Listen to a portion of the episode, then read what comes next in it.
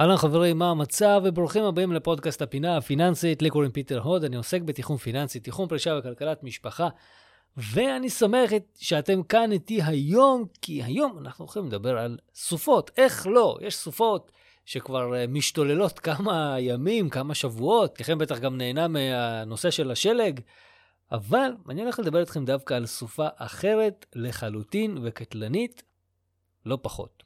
לפני כן, אני אשמח שתצטרפו לערוץ היוטיוב שלי, כוכב פיננסי. יש שם מעל ל-100 סרטונים בנושאים פיננסיים ועוד דברים רבים אה, אחרים שצפויים להיות בהמשך, וגם לקבוצת הפייסבוק, כוכב פיננסי, לומדים לעבוד עם כסף, שם תוכלו להשתתף, לשאול שאלות. אז קדימה חברים, הצטרפו.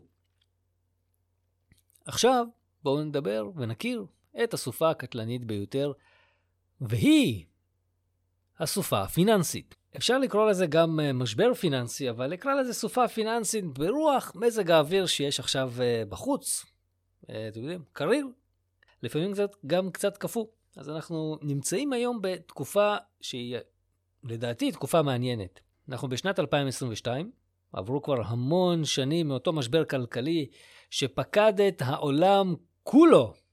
וכאשר לדעתי ההתמודדות איתו הייתה יחסית פשוטה, ומאז אנחנו רואים רק עליות, נכון שהיו גם קצת ירידות בתקופות כאלה ואחרות, אבל אנחנו יכולים לראות מה נעשה אז.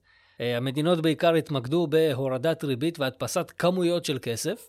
אני אוהב לומר שכמות הכסף רק הולכת וגדלה בעולם, ואנחנו יכולים להיות חלק מהחגיגה הזאת של הכסף, רק צריכים לדעת לעשות את זה נכון. והנה אנחנו נמצאים היום בתקופה קצת מוזרה, כי אתם יודעים, כשמדפיסים כסף, זה אמור להשפיע על כולנו, כי הריבית נמוכה, הכסף שנזרק לשוק, זה מפמפם מחירים על סחורות שירותים, כתוצאה, זה גם כתוצאה ישירה אמור להקפיץ את האינפלציה, והפלא ופלא, עד לא מזמן האינפלציה לא הייתה קיימת. עד לאחרונה. וכבר עשיתי פודקאסט על אינפלציה, ולדעתי חזיתי את זה שהיא תבוא. אני כל הזמן אומר שבסוף האינפלציה תבוא, הרי לא הגיע, אין היגיון בזה שמדפיסים כמויות של כסף, ריבית נמוכה, והאינפלציה לא באה. אין היגיון, זה לא הגיוני. והנה זה קורה. הגענו לשנת 2022 והאינפלציה כבר פה. האם זה משפיע עלינו? בוודאי שכן. בטח שכן. ואם אתם עוד לא מרגישים את זה, אז חכו, אז זה יקרה. וגם כנראה זה יהיה מאוד כואב. אנחנו כבר עכשיו יכולים לראות עליית מחירים בהרבה מאוד שירותים וסחורות, הדלק עולה, החשמל עולה, הארנונה מתייקרת, המים מתייקרים, המוצרים מתייקרים. זה נובע גם בגלל האדישות הציבורית. אני ראיתי לא מזמן כתבה בעיתונות, מנכ"ל של חברה שמייבאת מוצרי צריכה לישראל אמר את זה בגלוי, בגלל שאין רעש ציבורי, אז אני מעלה את המחירים. ככה בפנים אומר את זה. בלי בושה, זה מטריף אותי, אבל ככה אנשים מדברים היום בלי בושה עלינו הציבור. ואני מאמין שגם הבנקים יתחילו להעלות בסוף את הריביות, מה שיעלה פה את יוקר המחיה. עכשיו, אם הבנקים לא יעשו את זה, בנק ישראל יעשה את זה כדי לבלום את האינפלציה, כי אני לא יודע אם אתם יודעים, אבל אחד הכלים העיקריים במלחמה כנגד האינפלציה היא עליית ריביות. מעלים ריבית, אנשים מבזבזים פחות כסף. הרי האינפלציה נוצרת מזה שאנשים צורכים יותר, קונים יותר, מבזבזים יותר, אה, משקיעים יותר וכו'. המטרה של אה, הבנק זה לבלום את האינפלציה, והוא עושה את זה על ידי זה שהוא מעלה את הריבית. ואז, במקום לקנות נדל"ן ולקבל בין 3 ל-4 אחוזים, אני אומר לעצמי, למה לי לעשות את זה אם אני, יכול לשים, אם אני יכול לשים את אותו הכסף בבנק ולקבל את אותה ריבית, בלי סיכון. והמהלך הזה כמובן, ברגע שהריביות יעלו, אם בכלל, אני לא יודע, לא נביא, כן, אבל אם זה יקרה, זה ישפיע על המון בתי אב, שכמובן כתוצאה מזה זה יכול גם להפיל פה את השוק, בין אם זה בישראל ובין אם זה בעולם. אז כמו שאמרנו, אם הבנק יעלה ריביות, זה אומר שהמשכנתאות יהיו יותר יקרות ופחות כדאי, יהיה פחות כדאי לקנות נדל"ן. Uh, כמובן שאם החיסכון בבנק ייתן לנו את אותם 3-4 אחוזים בשנה, לא שווה לנו לקנות נדל"ן, אלא לשים את הכסף בבנק, בפיקדון, כסף נזיל, תמיד פנוי, זה מאוד מאוד נוח. זה לא יהיה עכשיו לדעתי, כל הקפיצות האלה, כי בדרך כלל הבנק לא מקפיץ את הריבית ב-7% ויאללה, שיתהפך העולם. זה בדרך כלל קורה במדרגות, כל פעם מעלים טיפה, מעלים טיפה, מעלים טיפה, בודקים את השוק, נותנים לשוק להתאושש, נותנים לשוק להתאושש כל פעם, כמו שכל פעם הורידו את הריבית, אז כל פעם יעלו את ה... בכמה צעדים מאוד מאוד קטנים, אז לדעתי זה לא עכשיו, לא בחצי שנה הקרובה, אבל זה בהחלט יכול להיות. עכשיו, אני מזכיר לכם ש... בימי השיא, ריבית הפריים בבנקים הייתה באזור ה-7, 8, 9 אחוז. היו את הימים האלה. וכמובן שיש את אלה שיגידו שישראל זה לא חו"ל, זה לא כמו הברית. אז חברים, כמו שהמשבר ב-2008, שלא קרה בישראל, הוא קרה בחו"ל, השפיע בצורה ישירה על כל העולם בכלל ועל ישראל בפרט, כמובן שזה גם יכול להשפיע עלינו כאן. אנחנו לא חיים באיזשהו ואקום או באיזושהי בועה. כל עוד אנחנו קשורים, אה, הבורסות שלנו קשורות, המטבעות שלנו קשורים זה בזה, אז בהחלט יכול לה להיות כאן השפעה על השוק שלנו, וההשפעה תהיה חזקה, וזה יכול להוביל פה לכאוס, כמו שזה הביא במשברים האחרונים בכל העולם, כשהכול יורד, הכל יורד. קחו את זה בחשבון. עכשיו, למה אני מדבר איתכם על הדבר הזה כבר כמה דקות? כי כמו שב-2008 המשבר פקד את הכלכלה האמריקאית והעולמית, עדיין, למרות שהיו חברות והיו גם מדינות שקרסו ופשטו רגל, יש כאלה שנשארו בחיים, שעומדות. ואם אנחנו נסתכל על מי שנשאר עומד אחרי כל משבר, או בכלל, כן, אחרי כל משבר יש את אלה שעומדים ויש את אלה שמתרסקים. ואם אנחנו נסתכל, כי המטרה שלנו היא לצמוח כל הזמן, ואם אנחנו נסתכל על אלה שנשארו חיים, עומדים, חזקים, כמו שאומרים, חזקים יותר אחרי משבר, אנחנו נגלה שזה כל אלה, או כל אותם אנשים, או כל אותן חברות, שהיה להם יסוד, יסודות יציבים, בנויים היטב. ממש כמו בבניין. אם אנחנו בונים בניין והיסודות על הפנים, הבניין לא יחזיק הרבה זמן. כמו שאמרתי לכם, זה לא קורה רק למדינות וחברות, גם הרבה אנשים נפגעו במשברים האלה, ומי שלא נפגע הם בדרך כלל אותם אנשים שיש להם בסיס כלכלי חזק, יסודות חזקים, איתנים. למי שלא היו את אותם היסודות הטובים, כבר לא קיים. גם אנשים, חברים, אנשים אנחנו, אמנם הם, הם לא נעלמים לנו מהעולם, אבל חברים, אנשים הגיעו לפשיטת רגל, אי יכולת אה, להחזיר את החובות הלוואות, הבנקים והחברות כיסחו אותם, ריביות בשמיים. זה כל החיים אחרי זה להיות חייב.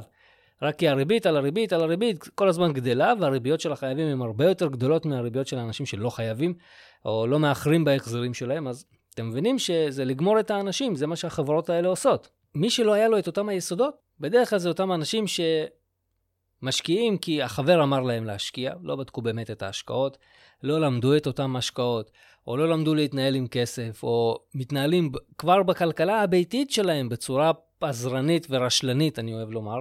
כי כל מה שקורה בבית מבחינה כלכלית, כשהמצב על הפנים, זה בדרך כלל סימפטום, סימפטום לזה שאנשים לא מתנהלים באחריות עם הכסף שלהם, כי בסופו של דבר יש לנו פה שני עולמות. יש עולם הפיננסים ויש את עולם הכסף. מה שקורה בבית זה עולם הכסף. מה שקורה בהשקעות זה עולם הפיננסים.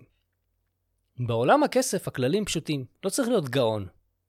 אנחנו יכולים לומר שבעולם הכסף, אם אני מכניס 10 ומוציא 11, זה לא טוב, כי יש לי מינוס 1. בעולם הכסף, אם אני מכניס 10, אני צריך להוציא הרבה פחות מ-10. כדי שיהיה לי מספיק כסף להגיע בסוף לעולם הפיננסי. בעולם הפיננסי אני מתחיל להתעסק עם השקעות, והמושגים שם והמוצרים שם הרבה יותר מורכבים מהמוצרים שיש לי בעולם הכסף. בעולם הכסף זה פלוס ומינוס. לא ריביות, לא חזקות, לא מעריכים, כאלה ואחרים. כל מיני פונקציות, בינאריות, אקזוטיות וכדומה. אז אנחנו, כשאנחנו מתעסקים בבית, כדי להימנע מאותה סופה פיננסית שיכולה להפיל לנו את הבית, שדרך אגב, אנחנו יכולים לאבד את הבתים שלנו אם uh, ההתנהלות הפיננסית לא תקינה ובעייתית. זה יכול לקרות. ומה שקורה היום זה שאנחנו רואים שהרבה חברות מציעות אשראי בלי הפסקה. עכשיו, אני לא נוקט בשמות כאלה ואחרים. אני יכול להגיד לכם שזה בנקים, חברות אשראי, חברות מימון למיניהם. מציעות לנו אשראי על ימין ועל שמאל, על כל שטות. אתה רוצה לטוס לחו"ל? קח אשראי. אתה רוצה אוטו? קח אשראי. אתה רוצה עוד בית? קח עוד אשראי. אתה רוצה שיפוץ? קח עוד אשראי. אתה במינוס? קח אשראי, סגור את המינוס, כנס לעוד מינוס. בלי הפסקה, בלי הפסקה, אשראי, אשראי, אשראי, אשראי, כל הזמן. אנשים מרשים לעצמם הכל. לא שזה רע, אבל צריך לזכור שאשראי, בסופו של דבר אנחנו צריכים להחזיר אותו. לא רק את הכסף, גם את הריבית על הכסף. והשאלה שחייבים לשאול היא, האם יש מאיפה? והאם יהיה מאיפה להחזיר את אותו הכסף? כי זו הבעיה הכי גדולה, לקחת זה מאוד פשוט. החברות ייתנו לכם כמה שאתם רוצים בתנאי ריבית על הפנים, כן, אתם יכולים לקחת ריבית, הלוואה בלי ערבים, בלי ביטחונות, בפריים פלוס 10, 11, ייתנו לכם את זה בלי בעיה. השאלה, האם יהיה לכם איך להחזיר את זה? לכן, טוב יעשו כל האנשים שיתחילו כבר עכשיו להקדים תרופה למכה. ולא משנה מה המצב הפיננסי שלכם, חברים, אתם חייבים לשאול את עצמכם את השאלה, אם כל מה שקורה לכם ברגע הזה נחרב, מה יקרה לכם?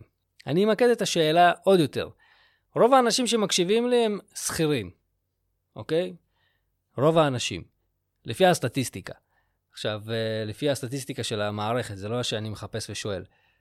אם מפטרים אתכם מהעבודה, ואין עבודה היום בשוק, כי יש משבר כלכלי, מה יקרה הלאה? איך ייראה המצב הפיננסי שלכם? או למשל, אם הריביות עכשיו יעלו ב-6%, כמה יהיה ההחזר החודשי שלכם על המשכנתאות ועל שאר ההלוואות? תשאלו את עצמכם את השאלה הזאת, אלה שאלות שאתם צריכים לשאול עכשיו, וכטיפ של איש כספים, אני איש כספים, קחו טיפ, תשאלו את השאלה הזאת כל חצי שנה. זה אמור להיות חלק מניהול הסיכונים המשפחתי האישי שלכם. עכשיו, זה לא בהכרח אם פיטרו אתכם, גם אם אתם בעלי עסקים, במידה והעסק נסגר, הנה, שימו לב מה קרה עכשיו בגלל הקורונה, כל עולם התיירות נחרב, כמעט ולא קיים. מה עושים? איך מתקיימים? ממה מתקיימים? איך סוגרים הלוואות? איך משלמים הלוואות? איך משלמים אה, משכורות אם יש עובדים? על איך, מש... איך משלמים שכירות אם יש משרדים? אלה שאלות שצריך לשאול כל הזמן. חלק מניהול פיננסי, חלק מהתנהלות פיננסית אישית. ופה כמובן יש לנו את החדשות הטובות, שאפשר להתכונן לכל סופה. אני לא יודע, בישראל זה אף פעם לא נראה כאילו מתכוננים לכל סופה, כל פעם עושים רעש וצלצולים, הסופה בדרך, הסופה בדרך, בסוף יש קצת רוח, אבל איך שמגיע גשם ראשון הכי פשוט, כמה טפטופים, פקקים בכל המדינה, כל הרמזורים מושבתים. כל הביובים מוצפים. המדינה לא יודעת להתכונן לקראת סופות, אבל אתם כן יכולים להתכונן. אתם יכולים להיות מאלה שלומדים מהניסיון של האנשים האחרים, ולהימנע מלהיכנס לבעיות האלה. אתם אנשים חכמים. אתם יודעים איך אני יודע שאתם אנשים חכמים? כי רוב האנשים שמקשיבים לפודקאסטים מהסוג הזה, זה רק 3% מהאוכלוסייה. ככה זה. סטטיסטיקה, עוד הפעם. יש רק 3% מהאוכלוסייה העולמית שמקשיב לפודקאסטים חינוכיים, לא לכל מיני בלבולי שכל, וקורא ספרים חינוכיים, לא כל מיני סיפורי סבתא. אז אם אתם מקשיבים, סימן שאתם חלק מאותם 3% שיכולים ללמוד מהניסיון של אנשים אחרים ולהימנע מלהיכנס לצרות, בעיקר בתחום הפיננסי, כי זה הנושא שלנו. יש המון מידע היום ברשתות החברתיות ובאינטרנט, שבעזרתו אתם יכולים לבנות לעצמכם תמונת מצב עדכנית ולהתמודד עם כל בעיה שיכולה לבוא. כמובן בעתיד. ואנחנו יודעים, גם מהניסיון שלנו וגם מהניסיון של האחרים, שכל פעם כשבעיות באות, כל פעם כשהבעיות באות, הן בעיות בצרורות, בסריות, אינסופיות, אז אנחנו צריכים לדעת להתארגן. אז איך אנחנו יכולים להתמודד? יש לי פה ארבעה דברים שצריך לקחת בחשבון. הדבר הראשון, אנחנו צריכים לשאול את השאלות הנכונות. כמובן שהשאלות הנכונות הן, מה יקרה אם ו-שלוש נקודות. תבנו לעצמכם את הסצנריו שלכם. את הסרט הכי גרוע שאתם יכולים לבנות, תבנו אותו. הדבר השני, אתם חייבים להבין את נקודת המוצא שלכם. כי אם הדבר הזה יקרה, מה נקודת המוצא שלי? מה יש לי? מה אין לי? כמה אין לי? כמה יש לי? הכל, צריך להבין את הכל. נקודת המוצא, מאיפה אני יוצא. הדבר השלישי, זה לזהות את כל האתגרים האלה ולהכין תוכנית מגירה. מה זה תוכנית מגירה? זה סבבה. קרה אסון, אין לי עבודה, ממה אני אחיה? 1, 2, 3, 4, 5. לבנות את זה. תחשבו על זה. בעסקים, החברות הגדולות עושות את זה כל הזמן. מה יקרה אם גונבים לנו סוד מסחרי? מה נעשה? מה יקרה אם תוקפת אותנו איזושהי חברה במתקפת סייבר? 1, 2, 3. הם כותבים את זה כל הזמן, כל הזמן הם על זה. החברות המצליחות, לא הכושלות. אז אני רוצה שאתם תהיו חבר'ה מצליחים. זה מה שצריך לעשות. וארבע, כמובן שצריך לבצע. אם קורה, אנחנו מבצעים. ואם לא קורה, אז אנחנו מבצעים בקרה, כל הזמן, בקרה, בקרה, בקרה, לראות האם משהו השתנה. האם, מה יקרה אם ו... עדיין תקף לגביי, או שאני כבר צריך לחשוב על מה יקרה אם ומשהו אחר. אז החדשות הטובות יהיו לאלה שעמלו ודאגו לתוכנית כלכלית לעת משבר. החדשות הרעות יגיעו לאלה שחושבים שתמיד יהיה בסדר. ותמיד יש את אלה שחושבים בסדר, וזה בסדר, זה חלק מהאנשים, אין מה לעשות. אבל יש משפט שאומר, לך אל הנמלה עצל, ראה דרכיה וחכם. אני בטוח שאתם מכירים את המשפט הזה. יש את אלה שמכירים את המשפט, לך אל הנמלה, עצל, ראה את דרכיה ושב בצל. למי יבואו החדשות הטובות? לזה שיושב בצל או לחכם? תחשבו לבד. עכשיו, אם אתם רוצים לבנות תוכנית כלכלית למשפחה שלכם, מתקדמת יותר, עניינית יותר, אתם כמובן יכולים לפנות לאנשי מקצוע. אם המצב שלכם הכלכלי הוא חלש, כלומר אתם נמצאים בגירעונות, תפנו לאנשי כלכלת משפחה, תתייעצו איתם, תבנו איתם את התוכנית, ואם המצב שלכם הוא טוב, כלומר אתם כל הזמן בפלוס ואתם מחפשים מה לעשות עם הכסף שלכם, לכו ותעשו תכנון פיננסי. אבל אם אתם לא רוצים לא את זה ולא את זה, ואתם רוצים לעשות הכל לבד, אני ממליץ לכם על הספר שלי. כתבתי ספר שנקרא שמונת השלבים לחופש כלכלי. זהו מדריך לבניית תוכנית פיננסית באופן עצמאי, אתם יכולים לבנות לבד. זהו ספר שיעזור לכם כ- כשלב מקדים, לפני שאתם פונים לאנשי מקצוע, ובלי קשר זה גם ירחיב לכם את הידע בתחום הפיננסי, כי הספר הוא באמת שלב אחרי שלב, שמונה שלבים שאתם יכולים לתכנן לעצמכם איזושהי תמונת מצב, לראות את הכל ולבצע וליישם אותה. בקיצור חברים, יש לכם את כל הכלים ואת כל הידע נגיש. אל תיתנו לסופות פיננסיות להרוס לכם את הבית. תודה רבה שהייתם איתי עד עכשיו חברים, ואנחנו נשתמע בפודקאסט הבא. יאללה ביי.